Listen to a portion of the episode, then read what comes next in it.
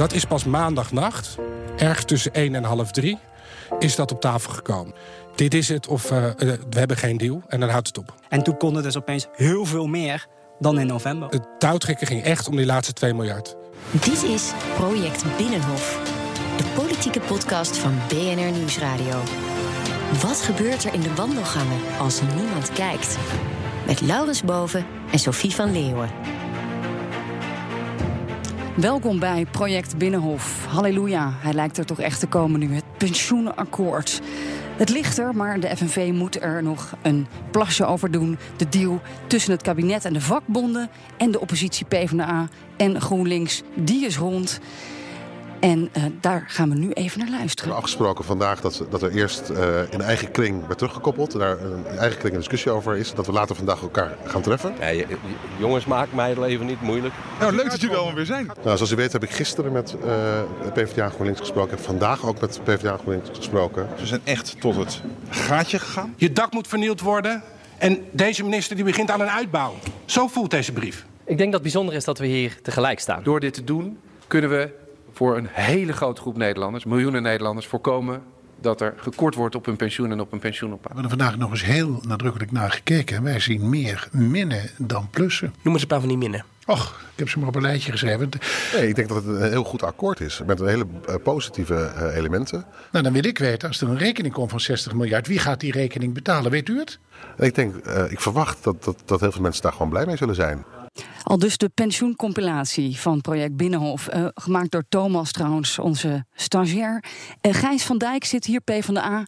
Paul Smulders van GroenLinks, de pensioenspecialisten van de constructieve oppositie. Welkom. Gijs heeft hier zes jaar in geïnvesteerd, begreep ik. Ja, ik ben hier. Uh, ik was hiervoor. Zat ik in het dagelijks bestuur van de FNV en toen deed ik pensioenen. Dus ik kwam net in dat daags bestuur en toen hadden we heel veel ruzie gemaakt binnen de FNV over pensioen. De hele organisatie was bijna uit elkaar gevallen over de, het eerste pensioenakkoord in 2010, 2011 toen was het stof weer een beetje gaan liggen. En toen kwam ik er, uh, in, kwam ik in het nieuwe dagelijks bestuur. En toen dacht ik, nou, lijkt me een mooie klus. Als een soort spion van de FNV kwam jij dat even hier uit onderhandelen. Vervolgens kwam ik hier en toen ging ik hier op in een andere rol verder met deze. Nou, het is ongelooflijk ingewikkeld, maar zo ongelooflijk belangrijk voor zoveel mensen. Dus het is wel. Uh, ja, dit, dit moest een keer gebeuren. En ook een keer gebeuren dat het niet uiteenvalt, maar dat het een keer bij elkaar komt en dat het is opgelost. Nou, het is nooit helemaal opgelost overigens, maar wel dat er een groot draagvlak is voor een pensioenvernieuwing. Paul van, van GroenLinks, hoeveel tijd van je leven heb jij hier aan besteed? Van het afgelopen jaar uh, heel veel tijd. Want ik ben nu deze week precies een jaar Kamerlid. En uh, ik onder meer sociale zaken doen, uh, waaronder pensioenen. En ik denk dat ze dachten van nou, die jongen die is wethouder van financiën geweest. Dus die snapt waarschijnlijk wel iets van geld en het is ingewikkeld. Dus uh, we geven dat aan hem. Maar vooral die eerste maanden, dat was een soort van spoedcursus pensioenen. Want op zich, het was echt een relatief nieuw thema voor mij. En nou, toen was het natuurlijk in november al ontzettend spannend. En sindsdien heeft het nou, een soort van waakvlammetje. En de afgelopen weken was eigenlijk gewoon fulltime pensioen. In november klapt het natuurlijk helemaal. Had je toen spijt van dat je, dat je deze pensioenverantwoordelijkheid op je had genomen voor nee, GroenLinks? Nee, nee, nee, geen moment. Want ik ben een ongelooflijk politiek dier. Uh, en ik vind, ik vind natuurlijk inhoud ontzettend belangrijk, maar het politieke spel is ook prachtig. En ik denk wel dat er weinig dossiers zijn waar zoveel in samenkomt. Samenwerking natuurlijk binnen GroenLinks, eh, met de linkse partijen, eh, oppositie, maar natuurlijk ook met de coalitie. Zaken doen met de regering, permanent schakelen met de vakbonden. Nou, kijken hoe je in dat ongelooflijk complexe speelveld op zo'n breed thema als pensioenen, maar ook AOW, de hele discussie over ZZP, hoe je daar voor je eigen partij het maximale uit kan halen, dat is gewoon super, super boeiend. Maar jij was niet voordat je Kamerlid werd in het dagelijks bestuur van de FNV? Nee, nee, nee. nee, nee. Zoals Gijs? Nee, zeker niet. Nee, dus dat, wat dat betreft ken je de vakbond niet? Nee, veel minder. Nee, klopt.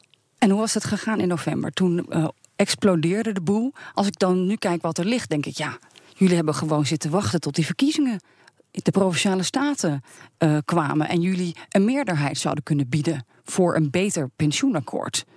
Nou, dat is zeker wat we destijds ook tegen de vakbonden gezegd hebben. Want er lag natuurlijk in november op, op nou, uh, hoofdlijnen ook een soort van deal. En die kwam ook de top van de vakbonden regelmatig met ons bespreken. En ook naar vragen, wat vinden jullie ervan? En heel eerlijk, wij hebben toen ook al aangegeven van... nou jongens, wij worden hier niet super enthousiast van. En meteen de opmerking gemaakt van, heb, niet zo'n haast. Het kabinet heeft ons naar maart zeker nodig. En wat denk ik ook wel bijzonder is, is dat we toen ook als linkse partijen, als PvdA en GroenLinks ook tegen elkaar hebben gezegd: we doen dit samen of we doen het niet. Waardoor je ook weet dat je de vakbonden een heel comfortabele positie geeft. Want je weet dat ze ons nodig gaan hebben. Maar daarom, daarmee zeg je eigenlijk, Paul, wij hebben toen het, het akkoord laten klappen, bewust. En we zijn er toen eh, zeker bij betrokken geweest. Uiteindelijk is het natuurlijk de vakbonden die hun eigen afweging maken. Ehm, Want wat is precies de rol geweest? Je hebt gezegd geen haast. En we hebben toen aangegeven dat Maar- wat er destijds lag, dat dat, voor ons, eh, dat dat voor ons onvoldoende was. En als je dan ziet wat er deze week voor gepresenteerd is voor het akkoord. En met name met veel meer structureel geld dan wat er destijds was. Toen was er eigenlijk structureel niks mogelijk. Kijk alleen al die één op één koppeling van de AOW-leeftijd. Van één jaar langer eh, leven, één jaar langer werken naar acht maanden. Dat kost bijna 4 miljard structureel. Het was in november totaal onbespreekbaar. Nou, dat was voor ons ook onbespreekbaar. Nu is het toch gelukt. Maar je kan in november natuurlijk alleen maar met recht zeggen van dit is te weinig. Als je weet of gokt, was het weten, was het gokken, dat het meer kan. En dat er dus ook meer komt. Hè? Dat je dus die gamble die je dus neemt door aan te dringen op geen akkoord, dat dat goed uitpakt een half jaar later. Nou, voor mij waren er t- twee dingen die toen niet goed gingen. Ten eerste dat het kabinet eh, eerst een gok nam. Door heel bewust niet met andere oppositiepartijen te praten. tijdens het proces van die onderhandelingen met de vakbeweging en de werkgevers. Daardoor waren wij, een soort schaduw die over het overleg hing. Niet aan tafel, op geen enkele manier formeel. Maar natuurlijk hadden wij heel veel contact met de vakbeweging, overigens ook met werkgevers. Waarbij wij wel konden aangeven: het is echt nog lang niet voldoende wat er ligt. Dus jullie hebben uiteindelijk geadviseerd om niet akkoord te gaan of om eruit te stappen. Nou, dat zou ons een hele grote rol voor de vakbeweging eh, te, eh, voorspellen. En dat, dat hebben we niet. Het is natuurlijk wel duidelijk dat toen de tijd ook al de vakbeweging zei: we, we willen het doen met tenminste twee eh, linkse partijen voor, een, voor een pensioendeal.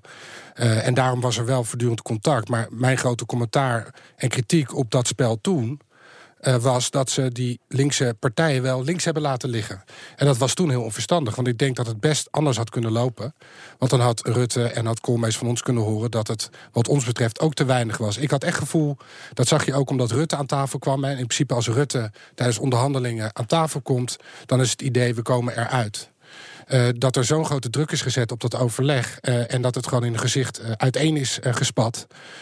En dat ze daar gewoon een inschattingsfout hebben gemaakt. Dus dat is zeg maar het eerste wat dat echt fout ging. Ten tweede wat Paul zegt, klopt natuurlijk helemaal. Was het inhoudelijk gewoon echt te mager. En ja, het- natuurlijk weten we dat er op dit moment gewoon veel geld is. Gelukkig, het gaat goed. Eh, dat er ook overschotten zijn. Dat eh, het de overheid ook niet lukt om jaarlijks al het geld uit te geven waar het voor bedoeld is. Dus we zien en we zagen dat er veel ruimte was. Dat het voor het kabinet ook een van de twee grote hervormingen zou zijn. Hè? Pensioen eh, en klimaat, ik hoor het Rutte nog zeggen bij de start van het kabinet. Dan moet je als kabinet ook bereid zijn, als je meerderheden zoekt, om ook echt geld en ruimte te Ja, maar het ging maar even om het punt dat jullie dus in november, Paul zei het net, hebben gezegd van dit is niet goed genoeg. En dat kan je alleen maar zeggen als je weet er gaat meer komen. Maar dat, dat is ook zo. Kijk, want we wisten. Maar hoe wist ja, oké. Kijk, we wisten dat het kabinet de meerderheid zou gaan verliezen bij de statenverkiezingen. Als je naar alle peilingen kreeg, eh, keek, gingen ze dat gewoon niet redden. En dan wist je dat ze eh, linkse partijen nodig hadden. En je weet ook met dat pensioenakkoord dat, nou, voordat je dat allemaal in wetgeving hebt omgezet, dat duurt jaren. Dus we wisten gewoon dat ze onze steun nodig hadden. En om dan meteen te zeggen, ja, het is genoeg, we tekenen bij het kruisje. Nee, dat, dat is niet zo. er werd heel verontwaardigd gedaan door de werkgevers en door het kabinet dat eh eh, Busker eh, niet wilde springen in, in november. Nou, ik denk dat, Dat was de show of zo? Dat was, waren ze echt boos? Of? Dat moet je hun vragen. Het zou goed kunnen dat ze echt boos waren. Wij vonden het heel erg verstandig. Ook om bij Gijs aan te sluiten. Er is altijd gezegd door de vakbeweging... er is steun van twee van de drie linkse partijen nodig. Willen wij kunnen springen of willen wij akkoord Maar er, kunnen werden, er werd ook nog, weet ik me ook nog wat te herinneren, eh, werden wij van de pers ook wel een beetje met, een- met de nek aangekeken, ook wel door jullie, als we jullie daarop wezen. Van jullie zijn hier gewoon een spel aan het spelen, want jullie wachten gewoon tot jullie naar de provinciale staat in een betere positie. Als je dat, als we dat poneerden in, in november, dat kan Sofie misschien zich ook nog wel herinneren, dan was het ook bij jullie een beetje van, nou, hey, Jullie zijn veel te cynisch. Zijn Maar nu cynisch. geeft hij het meteen toe. Paul. Nee, ja, ja en nee. Kijk, want aan de ene kant, we wisten dat het kabinet de meerderheid ging verliezen na de statenverkiezingen. We wisten ook dat je drie jaar minstens nodig hebt, wil je dat hele pensioenakkoord in wetgeving omzetten. Dus dan zit er sowieso een ander kabinet. Mhm. Dus de vakbonden hadden het nodig, steun van in ieder geval twee van de drie linkse partijen. En het kabinet wist ook dat ze ons nodig hadden. En ik deel de analyse van Gijs volledig. Ze hebben gewoon destijds een heel stomme inschattingsfout gemaakt. Door alleen met de vakbonden te gaan praten. En eigenlijk ons als linkse partijen, we hebben volgens mij een keer koffie gedronken met Koolmees. Maar verder niet te betrekken bij de gesprekken of bij de onderhandelingen. En dat is nu natuurlijk echt heel anders gegaan. Je zegt steeds ons en wij. Dan heb je het over GroenLinks en de PvdA, dus Gijs en jij zelf. Was het toen al duidelijk in november dat de SP buitenspel staat? Dat die niet mee zouden doen? Nee, nee, wij hebben in oktober als drie partijen zijn we om tafel gegaan. Toen hebben we voor onszelf ook een lijstje gemaakt. Waarvan we alle drie vonden, hier zou zo'n mogelijk pensioendeal aan moeten voldoen. Op alle onderdelen. En zo hebben we ook elkaar vastgehouden, eigenlijk tot en met, nou, tot en met vorige week. Uh, inclusief de SP. Wij wisten wel, en dat is ook linkse samenwerking, is dat je dat open met elkaar bespreekt. Dat voor het punt van de AOW voor de SP gewoon lastig ligt. Hebben jullie daar een gesprek over gehad vorige week met Lilian Marijnissen? Ja, daar, met z'n drieën? Wij, hebben, wij, hebben, wij spreken natuurlijk met Bart en onze politiek leiders spreken dan eh, met Lilian. Zo, zo gaat dat natuurlijk een beetje. En wij hebben een heel open uh, communicatie gehad over het feit dat wij wisten dat die AOW moeilijk ligt. Want zij hebben gewoon in het, het partijprogramma staan, het verkiezingsprogramma, de AOW moet terug naar 65.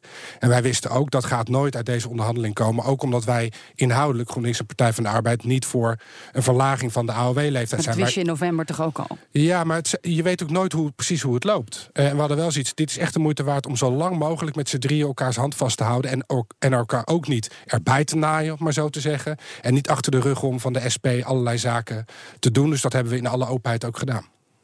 En toen, hè, opeens waren er dus, nou ja, opeens, de verkiezingen waren er geweest. Uh, uh, de kabinet, het kabinet verliest zijn meerderheid in de Eerste Kamer, heeft de oppositie nodig.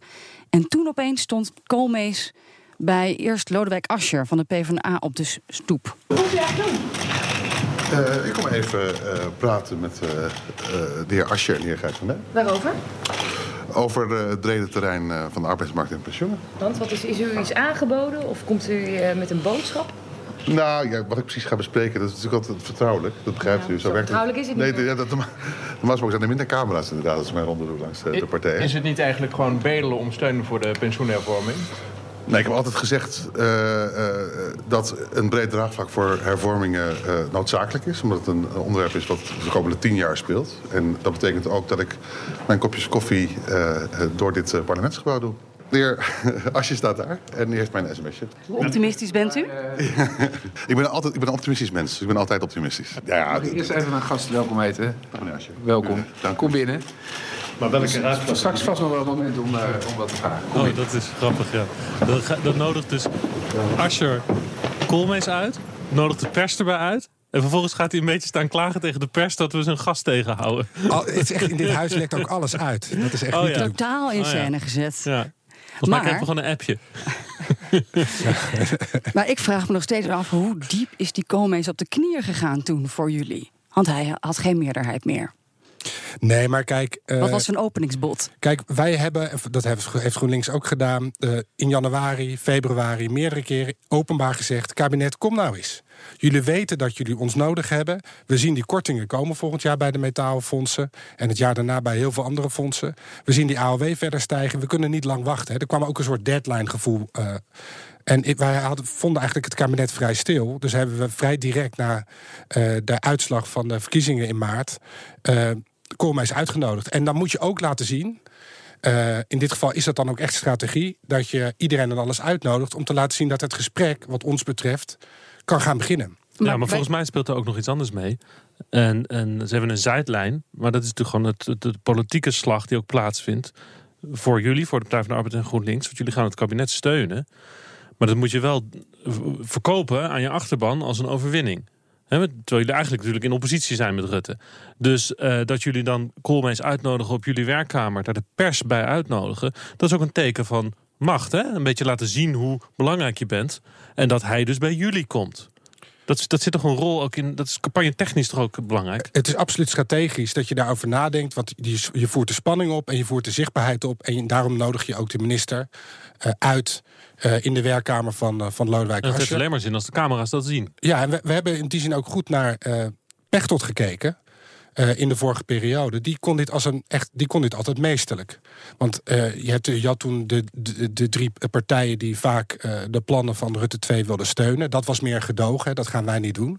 Maar wat Pechtold elke keer wist te creëren, was een moment op zijn werkkamer, waar altijd media aanwezig was. En dan nodigde hij alles en iedereen uit. En het, op een gegeven moment ontstond het beeld, en dan werkte media en het beeld dus mee, dat Pechtold degene was die eigenlijk het kabinet en de andere oppositiepartijen uh, nou ja, in zijn hand had. Maar dus dat willen jullie ook? Nee, kijk, dat was echt een andere situatie. Want dat ging uit van een gedoogsituatie. Maar dit is wel een teken van, misschien noem het macht, maar ook positionering. Kabinet, wij maken ons grote zorgen. Dus je maakt je inhoudelijk punt over die pensioenen en die kortingen. Mm. En tegelijkertijd straal je uit, hier zijn we. Maar GroenLinks heeft het niet gedaan, dit momentje met Koolmees, met al die camera's erbij. Toch, Paul? Ik heb dat niet uh, mogen meemaken bij Jesse Klaver. Waarom niet? We hebben dat heel bewust niet gedaan. De PvdA die deed dat en heeft uh, Koolmees zelf uitgenodigd. En we hebben gedacht, nou, we willen prima met hen over de inhoud praten. En een paar dagen later stuurde onszelf een uitnodiging.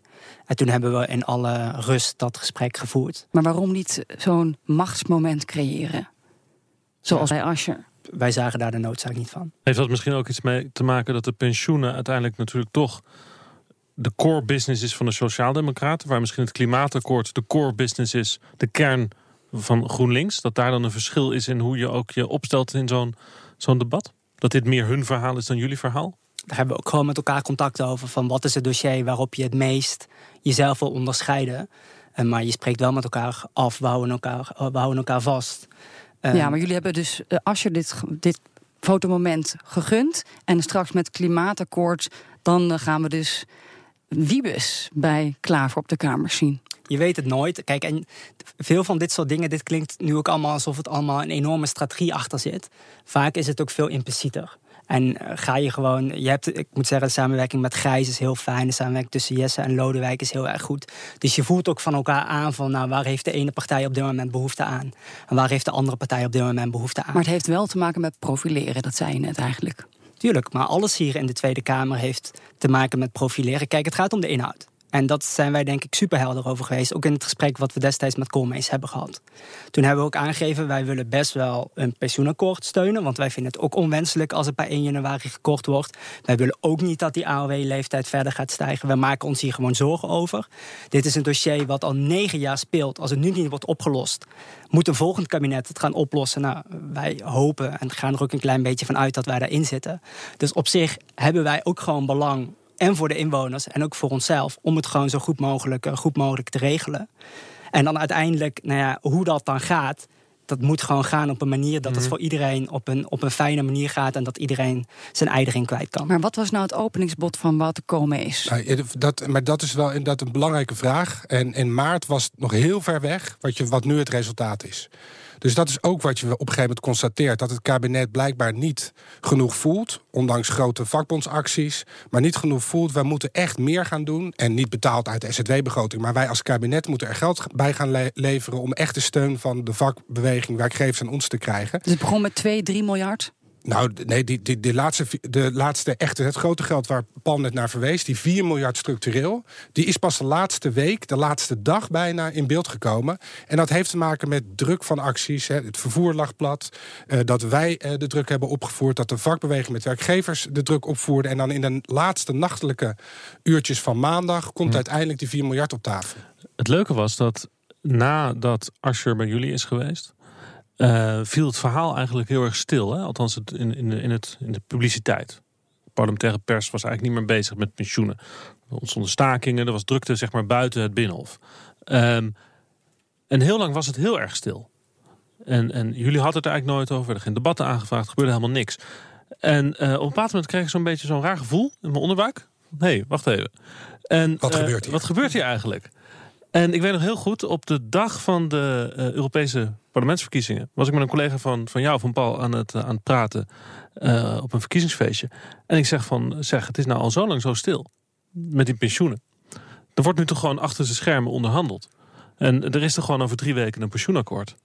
En toen stond hij me een beetje zo, zo aan te kijken en zei van, nou, tel er nog een weekje bij op. Het grappige is dat ik er uiteindelijk een weekje vanaf had moeten trekken. Hè? Want het is nu pas twee weken na de Europese parlementsverkiezingen. Maar het klopt dus. Er is dus eigenlijk achter de schermen door jullie wekenlang, maandenlang heel stil onderhandeld en gesproken.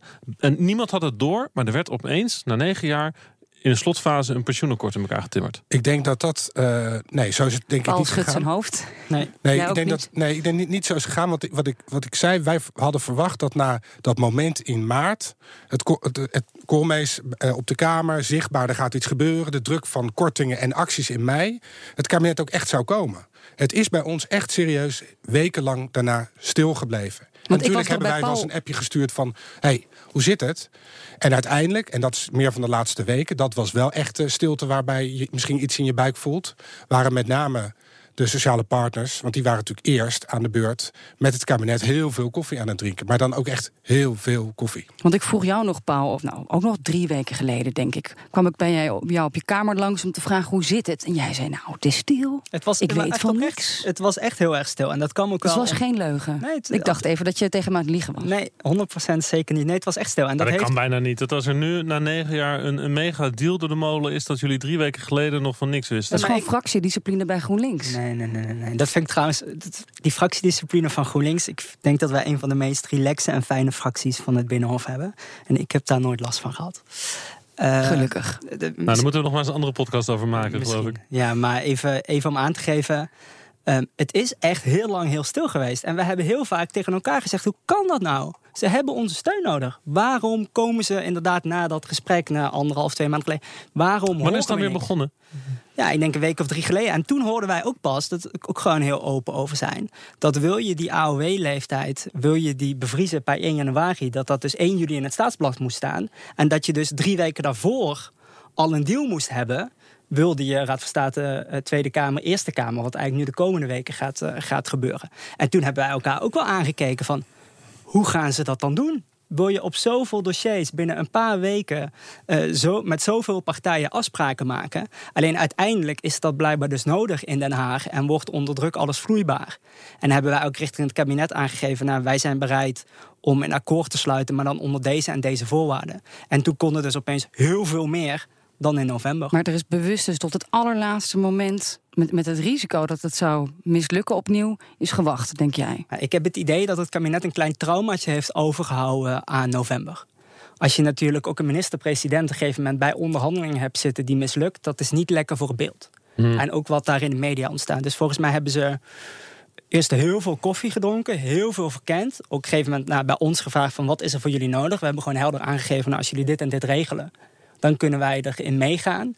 En ze hebben daarom denk ik pas die echte onderhandelingen heel lang uitgesteld. Nou, toen wat meer, maar nog steeds achter de schermen. En pas echt toen ze eigenlijk zeker wisten, wij gaan hier wel uitkomen, gezegd: oké, we gaan onderhandelen en binnen een paar dagen moeten we rond zijn. Wanneer was, eh Gijs, het, het, het eerste gesprek van zeg maar die laatste fase, het endspiel? En, en, en, en wanneer was het eerste gesprek waar de pers van wist? Ja, ik zit zelf ook even, want het zijn echt best wel eh, hectische dagen en weken geweest. Dus het loopt wel echt serieus wel wat door, door elkaar. Maar Paul heeft gelijk.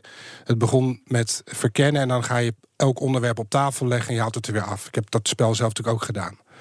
Eh, en dan ga je weer terug naar de achterbannen. Ik denk dat het twee, twee weken geleden zo, ja, twee weken geleden, rondom Pasen, is het spel echt. Is dat twee weken geleden? Nee, twee weken geleden waren de Europese parlementsverkiezingen. Pasen is alweer een maand Pasen was in maart, in april, hè? Ja, want ik weet het, zeg maar, dat ik moet even graven in mijn herinnering. Maar rondom Pasen is zeg maar door de top van vakbeweging, werkgevers en eh Koolmees eigenlijk gezegd: we gaan echt serieus kijken of we, eh, we gaan even serieus met elkaar verkennen of we ergens kunnen komen. Dat was op 19 april, Goede Vrijdag. Nou ja, mm, dat weet ik, dat was Ja. ergens, ergens met Pasen. Dat kan ook tweede paasdag zijn. Nou, oké, maar goed, daaromtrent. Ja, daaromtrent. En dat is een beetje het startschot geweest van allerlei kopjes koffie. eh, die zo meteen, weet je, dat was ook mijn verbazing. Dat duurde dan weer een week voordat er weer wat gebeurde. Ik dacht, jongens, jongens, let nou op die tijd. Want het gaat veel sneller dan je denkt. We moeten ook politiek nog eh, dingen met elkaar doen. Ja. Ehm, en wij zijn vorige week ook echt eh, actief eh, bijgepraat, allemaal los. Hè. Dat is ook bij de SP gebeurd, bij GroenLinks eh, en bij ons door Wouter Koolmees. Om ons op de hoogte te brengen wat toen het bod was vanuit het kabinet wat op tafel lag. Dus vorige week is de oppositie pas betrokken bij. Dus zeg maar tussen, tussen Pasen en Hemelvaart. Leuk is dit. Tussen Pasen en Hemelvaart is de deal gesmeed tussen Koolmees en de, en de sociale partners. En eh, rondom Hemelvaart zijn jullie erbij betrokken om Het was nog voor hemelvaart. Nou Maar ja, toen was het dus te wij- het bedrag was nog niet genoeg. Nee, maar dat, ik, ik schrok echt vorige week. Wat Dat- was toen het bod? Nou, to- toen lag er ehm 2 miljard structureel. En dat is dan weer die AOW. Dat is vooral voor de jongeren van belang op tafel. Terwijl we echt 4 miljard nodig hadden. voor dus de het gat was nog beroepen? 2 miljard. Enorm. Ook voor zware beroepen lag er maar één jaar voor. en In plaats geen van drie. Eh, dus wij, wij zeiden toen al, ook, dan ben je niet een onderhandeling. Hè. Je moet altijd goed duiden bij een gesprek, wat is dit? Dat was bijpraten door het kabinet. Eh, en dan geef je zelf aan in een soort reflectie eh, waar, waar wij stonden. En dat zal bij GroenLinks hetzelfde zijn gegaan. Wat is er toen gebeurd? Kun je dat beschrijven? In, in dat laatste tussen die 2 miljard en die 4 miljard. Nou, het Hoe is- hard heb je daarvoor moeten knokken Wat dan? dat betreft is, is dit echt een klassieke eh, onderhandelingsproces. We- we- Met het klappen in november, eh, met de irritaties, eh, dan weer bij elkaar komen en heel langzaam weer, dat, daar heb ik het over sociale partners en kabinet, stapjes zetten. En allemaal verkennend, zonder dat je echt besluiten neemt. En tot en met maandag, want wij zaten maandag in het torentje, lag er nog niet het bod op tafel waarvan wij zouden zeggen: hiermee sluit je een akkoord. Afgelopen maandag, 3 juni. Afgelopen maandag. Dus wij kwamen uit dat torentje waar we wel zagen, nou ze maken wat beweging. Maar die fundamentele stap van die mil- 2 miljard echt op tafel, leggen, eh, de- eh, op tafel leggen en ook structureel dekken. Niet vanuit de lopende begroting, maar vanuit geld vanuit het kabinet. Dat is pas maandagnacht, ergens tussen 1 en half 3, is dat op tafel gekomen. Weet je hoe dat is gegaan via de andere gesprekspartners, de bonden? Ja, zeker. Want het, eh, ik, eh, is, het was zo, zeg maar rond ene. Toen is er, de- la, la, hang me niet aan de tijd. Eén uur s'nachts. Ja, is toch echt ook door werkgevers duidelijk gemaakt. Er is 2 miljard structureel nodig om die stap te maken voor de AOW. Eh, en toen is door het kabinet, die zijn even teruggetrokken. Dat heeft ongeveer een uur geduurd. Want eh, die zijn, moesten natuurlijk kijken, eh, willen we dat? Die zullen- Hoekstra even bellen misschien? Ik denk dat Wopke wellicht wel even werd gebeld. Me was altijd- het CPB aan het bellen of ze nog met wat andere cijfers konden komen. Vanuit de, vanuit de houdbaarheid is wel een heel- hoop techniek. Maar dat betekent wel, hè, dus het is wel echt geld, want daarmee maar de- dek je het. En uiteindelijk is toen rond half drie kwam het boodschap van het kabinet. En de rest was eigenlijk allemaal rond. Maar zonder deze 2 miljard was het gewoon geklapt. Dat hebben wij eh, toen het kabinet ook aangegeven. Toen is uiteindelijk het kabinet overstag ge- gegaan. En toen denk ik ook dat de bonden en werkgevers hebben beseft... wij hebben er echt nu alles uitgetrokken wat er dan- uit te trekken valt. En daarna is die 2 dus 4 geworden. Nee, dat, dat gebeurde dus in die nacht. Oh, dat was die Oh, maandag. Oké, ze begonnen de, de, de nacht in met 2 miljard en het werden er 4 in de nacht. Ja. En toen En had dat- je nog niet de extra eh, jaren voor de zware beroepen Nee, geregeld. de rest, rest van de deal, nog niet. de rest van de deal lag er. Het ging echt, het touwtrekken ging echt om die laatste 2 miljard. En waar eh, denk ik ook bonden heel, heel terecht hebben gezegd: jongens, eh, dit is het of we hebben geen deal. En dan houdt het op. Maar volgens mij zei maar als je de volgende ochtend, ook weer in het torentje zaten jullie toen, dat het nog altijd niet genoeg was. Toch? Nee, want kijk, eh, dan heb je ook het proces dat wij politiek moeten doorlopen. We hadden nog een aantal technische vragen. Over hoe zit het met dat? We hebben iets gezegd over de arbeidsmarkt eh, voor, eh, en jongeren en de uitzendsector. Eh, en we moesten nog met onze fracties in overleg. Dus wij moeten ook een aantal stappen zetten voordat wij kunnen zeggen: wij vinden het voldoende. En daarbij hebben wij ook altijd gezegd: het ledenparlement van de FNV, de achterban van de vakbeweging, moet voor ons akkoord zijn. Wil er echt een deal komen? Ja, en Klaver die leek trouwens wel, vond ik, was enthousiaster direct na het torentje. Toch, Paul? Nou, Was ik dat zo? Ik denk dat dat gewoon toonverschillen zijn. Want uiteindelijk zitten we met de PvdA gewoon op één lijn. En ik weet nog heel goed dat een week geleden... Ik was toevallig eh, met mijn vriendin een nachtje ergens overnachten. En ik heb de helft van de tijd met Gijs en met Jesse en met iedereen staan bellen. Oh, gezellig. Ja, heel veel. Ik vond het ook Ga heel nog eens een keer een weekendje weg. Dan gaan we Nou, volgende nooit keer met een samen. politicus. Maar Dat is goed. Gewoon meteen met Gijs op vakantie. Maar dat was inderdaad, dat was voor onszelf echt het gesprek. We hadden al eerder een lijst gemaakt van, nou, dit moet er voor ons in zitten. In ieder geval als PvdA en GroenLinks gezamenlijk, ook met de SP. En toen hebben we gezegd, oké, maar wat, wat moet er nou echt minimaal in zitten, willen we akkoord kunnen gaan? En daar hebben wij eh, ook op verzoek van Jesse en, en Lodewijk gesprek over gevoerd. Uiteindelijk wordt dat weer afgestemd. En is dat toen doorgegeven eh, aan het kabinet, van nou, als jullie dit regelen, dan kunnen we het gaan steunen. En dat gesprek in het torentje, dat was dus ook al veel meer op basis van de informatie die we zelf hadden doorgegeven. Nou ja, dit is jullie, dit is jullie lijst. Dit gaat gebeuren, dit ligt heel ingewikkeld. En op basis daarvan zijn ook s'avonds die gesprekken met sociale partners weer gevoerd. Om te kijken in hoeverre er tegemoet kon, gekomen kon worden aan onze wensen. En eigenlijk was dat tweede gesprek in het torentje was veel meer ook nog een terugkoppeling daarvan. Wat is wel gelukt, wat is niet gelukt. Hoe kunnen we het dan toch doen dat het voor jullie gaat zonder dat we dat, al die teksten weer bij spreken moeten gaan herschrijven. Uh, en dat, nou, dat is eigenlijk het gesprek wat je dan met elkaar hebt. En als je dan naar buiten loopt, dan denk je van... dit, dit kan waarschijnlijk wel gaan gebeuren. Maar je moet natuurlijk ook je politieke proces dan nog, uh, dan nog gaan aflopen. Dus je moet je fractie meenemen. Uh, en uiteindelijk uh, hebben we toen gezegd, het is voldoende. Wanneer de fracties nou... is gestemd ook? Nee, natuurlijk niet. Nee.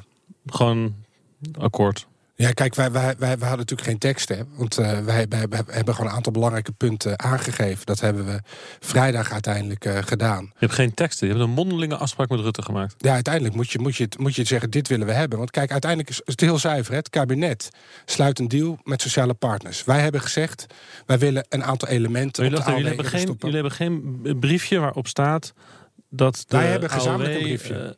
Ja, jullie, maar er is, er is nergens een briefje waarop staat dat de AOW bevroren wordt op 66.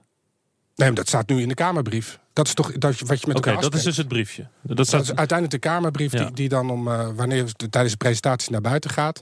Kijk, het kabinet is even heel zuiver wel van belang ook voor, voor onze positie. Wij hebben gezegd wij willen een deal steunen met een paar elementen en er moet een hoop geld bij. Uiteindelijk gebeurt dat. Uh, en dan moeten de achterbannen ook akkoord gaan. Maar dan vervolgens gaat het, is het kabinet verantwoordelijk voor de uitwerking. Dus daar hebben we ook expliciet een voorbehoud bij gemaakt. Dit moet allemaal leiden tot wetvoorstellen. En wij zullen bij ieder wetvoorstel kijken. Wij hebben een deal met elkaar op een aantal onderdelen. Wij hebben voorwaarden gesteld. Voldoet deze wet volgens de voorwaarden en de deal zoals wij met jullie hebben gesloten? Want wij willen als oppositiepartij wel onze gewoon parlementaire werk kunnen blijven doen. Wanneer was die deal klaar? Helemaal rond? Denk de ochtend van, van de, toen Jesse en, en Lodewijk samen die persconferentie gaven. Woensdag. Denk, denk de, Woensdag. Nou, de, Wel de, heel snel de gegaan. Avond, de avond ervoor, wij spreken. Ja, want de presentatie Kijk, bij de om stond al klaar. Ook hoe dat, hoe dat ging. nee, maar wacht toen even. Dinsdag, dinsdag had de FNV nog zijn ledenraad. Jazeker. Dinsdagavond. Dus toen, dat, dat wordt allemaal meegewogen. Kijk, Mhm. en ook waar we toen zelf voor hebben gekozen om een persstatement te doen als GroenLinks en PvdA gezamenlijk. Of zeggen we hebben toezeggingen van het kabinet op zware beroepen, eerder stoppen met werken, ehm, eh, aanpakken van witte vlekken, zorgen dat meer mensen pensioen opbouwen, eh, eh, AOV voor, voor ZZP. Dat heeft het kabinet ons toegezegd. Ja. Uiteindelijk ehm, eh, komt dat ook in een Kamerbrief en wordt dat straks gepresenteerd door de SER. Dat was ons natuurlijk verteld. Nou, dat gaat. Dat gaat in verschillende wetsvoorstellen naar de Kamer. Dus de komende week al AOW-leeftijd. Dan komt daarna zware beroepen. En dan komt ergens over anderhalf jaar dat ongelooflijk ingewikkelde eh, pensioencontract. Wat ze de komende anderhalf jaar met stuurgroep met heel de wereld. eh, Waarvan iedereen zegt super vaag eigenlijk. Dit lijkt meer een. AOW-akkoord. Nee, en wat, wat wij dan hebben aangegeven is dat we zeggen van we hebben een aantal voorwaarden. Het moet collectief blijven. Europa moet garanderen dat die Hmm. verplichtstelling niet in geding komt. Een solidariteit tussen generaties moet zijn. Die afschaf van die doorsnede, dat moet evenwichtig gaan. Uiteindelijk zullen wij, als die wet voorligt, het toetsen op die criteria die nu afgesproken zijn. Ja. En dat maakt het voor ons ook een stuk makkelijker om eh, met zo'n pensioenakkoord nu in te stemmen. Omdat eigenlijk alle dingen waar wij super enthousiast over zijn, dus AOW, zware beroepen, dat wordt eerst in wetsvoorstellen geregeld. Ja. En het punt waar wij nog het meest vraagtekens bij hebben, we zeggen daar willen we over aan meewerken onder deze voorwaarden, komt over anderhalf jaar. Je zei dat op woensdagochtend 5 juni jullie dus eh, het finale akkoord hebben gegeven. Maar er gebeurde op die avond, nacht daarvoor, dinsdag 4 juni, ook nog iets heel raars. Want toen, althans, de ledenraad van de FNV was Ja. bijeen. En die hadden besloten om een, ehm, een ledenreferendum te gaan houden. Nou, ik was hier in, op het Binnenhof die avond. En eh, halverwege de avond, eh, Gijs, kwam ik jou tegen. Heb je, Ja. eh, ge- gesproken. In, jij en Ars. Iedereen glunderde. Was blij, het is rond. Het was echt, jullie waren in, in een soort hele blije toestand. Ehm, toen was er een debat. Rutte was hier tot eh, middernacht. En eh, het debat was klaar. En hij ging de plenaire zaal uit. De telefoon in zijn oor. Toen kwam ik samen met Klaver het ledenrestaurant uit. En zijn gezicht stond op storm. En ik wilde nog allemaal vragen stellen over de gaswinning. Nou, en toen gebeurde dit. En wat moeten die excuses dan straks in de praktijk gaan veranderen? is allemaal in het debat besproken, maar ik moet ergens anders heen. Als u gewoon het debat heeft gevolgd, heeft u het allemaal gehoord. Ik ga dat nu niet allemaal herhalen, want ik ben ook een beetje moe na... Gisteren was het half drie en ik heb nu de hele avond gedebatteerd. Alles is besproken. vroeg naar Engeland. En morgen in Engeland en morgen weer in het debat. Dat is helemaal niet erg, vind ik leuk. Er is een akkoord bij de FNV. Wat maakt u daarvan?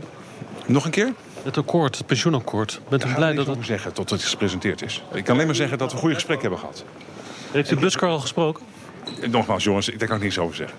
Ik heb niks toe te voegen aan gisteren. Heeft, heeft u nu nog een overleg? Nee, ik ga nu even iets anders doen. Oké. Ja, oké. Nou, we liepen dus met drie eh, journalisten achter hem aan vanaf de plenaire zaal eh, richting Koloniën, waar GroenLinks dus huist. En hij was de hele tijd aan het zeggen: Ik moet nog ergens heen, ik moet nog ergens heen. Laat me nou met rust, ik moet weg, ik moet ergens heen. Hij was echt geïrriteerd, geagiteerd. En hij zei dus ook dat hij moe was. Dat zegt de premier nooit dat hij moe is. Nu zegt hij dat. En hij ging naar jullie toe.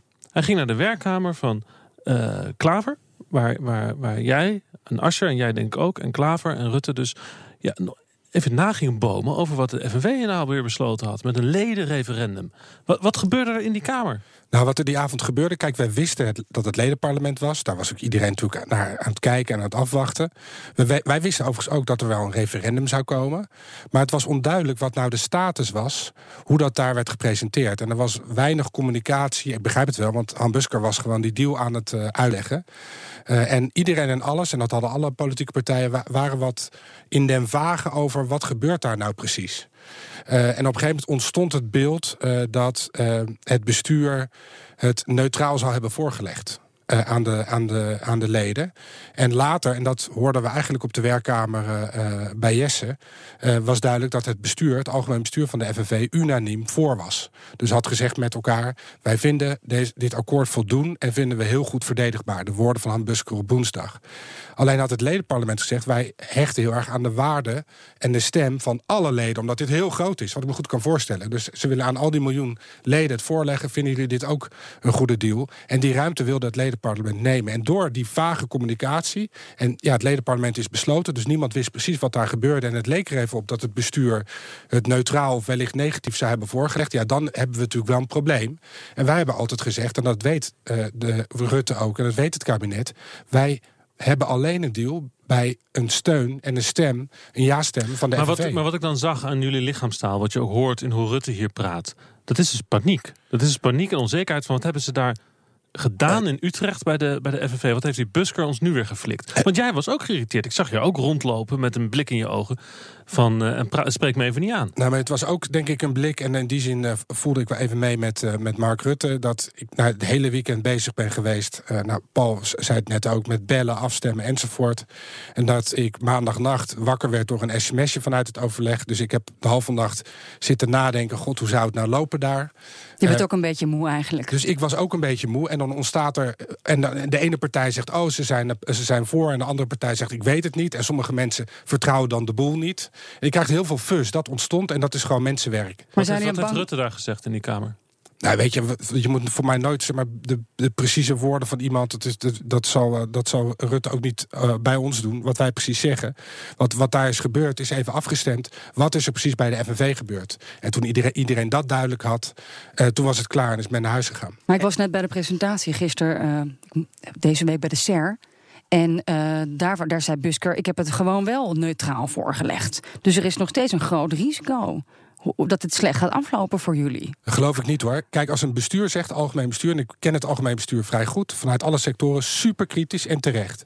En als die unaniem zeggen, deze deal vinden wij goed. En dan leg je het voor aan de leden. En waar het ledenparlement aan hecht, is dat leden zelf een afweging maken. Ik heb daar va- vaak voor gestaan. Waar ze, wat zij haten, is dat, je, dat het lijkt alsof je er iets probeert door te duwen. Laat de inhoud de mensen overtuigen. Daarom wordt dat neutraal voorgelegd. En ik heb even gekeken naar het laatste referendum over pensioenen bij eh, de FNV. Dat was in 2010. Toen ging het, let wel, over een pensioendeal met een AOW-verhoging. Voor de eerste keer vanaf die 65 af. 80% van de leden eh, van de FNV stemde toen voor. Dus, Dus, ik jij heb alle denkt dat, vertrouwen dat, in. dat je dat nu ook gaat gebeuren? Zeker. En dat, wat, Paul, wat denk jij? Voorspelling volgende week? Ik verwacht dat ook. En dan is het dus wel heel belangrijk dat de, de FNV-top er ook echt voor gaat staan. En op dat vlak was ik ook heel blij met eh Tuur Elzinga gisteravond bij Nieuwsuur. Die echt gaat staan voor het akkoord en zegt van eh, ik vind dit een heel goede deal. En ik heb hier, eh, ik heb hier alle vertrouwen in. En misschien om er even terug te komen op, op die, die, dat, dat overleg wat plaatsvond naar aanleiding van de ledenraad. Kijk, gedurende zo'n dag worden ook afspraken gemaakt welke partij gaat wanneer naar buiten. En er was toen ook afgesproken naar de PvdA en GroenLinks. Best wel bijzonder dat twee partijen uit de oppositie eigenlijk een, een, een pensioenakkoord sluiten. Ook met de nou, steunen wat door de polder gesloten is. Maar daarmee ook eigenlijk de coalitie, eh, de coalitie helpen. Dus daar zijn afspraken over gemaakt. Maar het signaal wat toen kwam dat de FNV ehm, negatief zou zijn. Of dat was gewoon heel onduidelijk op dat moment. Het is volgens mij niks meer dan normaal dat je dan even bij elkaar gaat zitten en zegt: Oké, wat is er nou precies gebeurd? Maar ook wat betekent dat voor de communicatie die wij de dag daarna van plan zijn? Kunnen we morgen die persconferentie nog wel houden? Ja, gaan we, gaan we de pers informeren? Wat, wat is de, de toon die we dan kiezen? Ook omdat wij permanent hebben gezegd: de steun van de vakbeweging is gewoon voor ons als linkse partij ongelooflijk belangrijk. En toen hebben jullie bedacht: we noemen het een principeakkoord. Dat is niet, dat, dat is niet, met, uh, dat is niet daar, uh, daar besproken. Nee, het ging echt puur over... Um, uh, gaan de PvdA en GroenLinks gezamenlijk een statement doen? Wat wordt de toon van dat statement? De fusie is nabij, hè? ik hoor het, tussen jullie partijen. Dat weet ik niet, maar ik ben wel ongelooflijk blij... dat linkse samenwerking loont. Want zo ervaren wij dit wel echt. Kijk, het grote risico was volgens mij geweest... als het kabinet had gedacht, we kunnen gaan shoppen. Dus we gaan eerst bij de PvdA en dan bij GroenLinks. Dan gaan we kijken of die nog met net iets minder akkoord gaan. Daar waren wij bang voor. En we hebben gewoon dus al maanden geleden tegen elkaar gezegd... afgelopen week nog een keer bevestigd... dat gaan wij niet laten gebeuren. Het is met ons of zonder ons. Volgende week is dus de grote vergadering het moment voor Comis... en voor jullie de pensioenonderhandelaars. FNV-leden spreken zich uit. Maar jullie zijn dus zonder zorgen volgende week. Geen stress. Je bent, nooit, je bent nooit zonder stress. Wat wij vooral zeggen eh, tegen de FNV-leden: van informeer je goed. Kijk wat dit akkoord betekent. Um, en baseer op, op, basis daarvan je keuze. Wij denken dat dit nu het maximaal haalbare is. Is dit de perfecte deal? Nee, dit is nooit de perfecte deal. Als wij samen de meerderheid in de Tweede Kamer zouden hebben, zou er waarschijnlijk een andere deal liggen. Maar gelet op het feit dat wij een centrumrechtskabinet hebben. Um, uh, is dit in onze ogen, denk ik, echt het maximaal haalbare. En als je instemt met de deal, weet je dat de AOW-leeftijd per 1 januari niet omhoog gaan. Dat die Hmm. wordt bevroren, dat die één op één koppeling wordt losgelaten. Dat zware beroepen eerder kunnen stoppen met werk. Dat is voor ons heel veel waard. Maar uiteindelijk is de keus aan de leden van de FNV. Goed, ik rond af. Uh, wat als het misga misgaat? Ga je dan een andere baan zoeken? Zes jaar van mijn leven. Voor niks. Ik, voor niks. Nee, ik heb er wel alle vertrouwen. Maar nee, ik heb dat gewoon. Dat, maar dat heeft natuurlijk niks met politiek te maken. Maar dat je. Er zijn een hoop mensen al heel lang hiermee bezig. En proberen het de goede kant op te krijgen om het uiteindelijk eens een keer af te sluiten. En tot uh, gewoon een nieuwe pensioencontract uh, te komen. Laten we hopen dat dat nu echt gaat gebeuren. Maar jij zegt, wat, wat ik treed je... niet af als Kamerlid. Dus als het mislukt. nee, ik zal het. Wat, ga je eigenlijk, wat ga je eigenlijk doen als het wel lukt? Ja, ik heb echt wel. Elke... Hij wordt minister van Pensioenzaken. Ja, weet, weet, je, elke keer heb ik de neiging van. Uh, zou jij vast ook wel hebben na dit soort dagen. Ik, ik ga dit een keertje vieren. Maar omdat het. Ja, het, het is er nog niet. Ja, maar je bent ook klaar. Straks als die pensioenen rond zijn, dan moet je een nieuwe carrière zoeken. Ja, dan, ja, dan ga ik. Ja, andere portefeuille. Andere portefeuille. Ik, ik stop ermee. Ik kan me voorstellen dat in de beeldvorming dan wordt gedaard: oké, okay, we zijn er, maar we zijn er dan nog lang niet. Nee, dat is Anderhalf dan, jaar zei je Er komt toch. meteen een wetsvoorstel voor AOW. Die zware beroepen voor op die arbeidsongeschiktheidsverzekering. Nee, er is nu veel discussie over. Ja. Wordt ook nog een soort van onderhandeling. Hoe gaan we dat doen? Uh, dat contract wordt mega ingewikkeld. Dus het spel gaat gewoon verder. Kortom, we zijn hier nog lang niet klaar mee. Oh my god. Dank jullie wel. Gijs, Paul, Laurens en tot volgende week. Je vindt ons uh, op de socials, Instagram, por, uh, Project Binnenhof. En je kunt ook mailen naar... Den Haag het BNR. Dankjewel.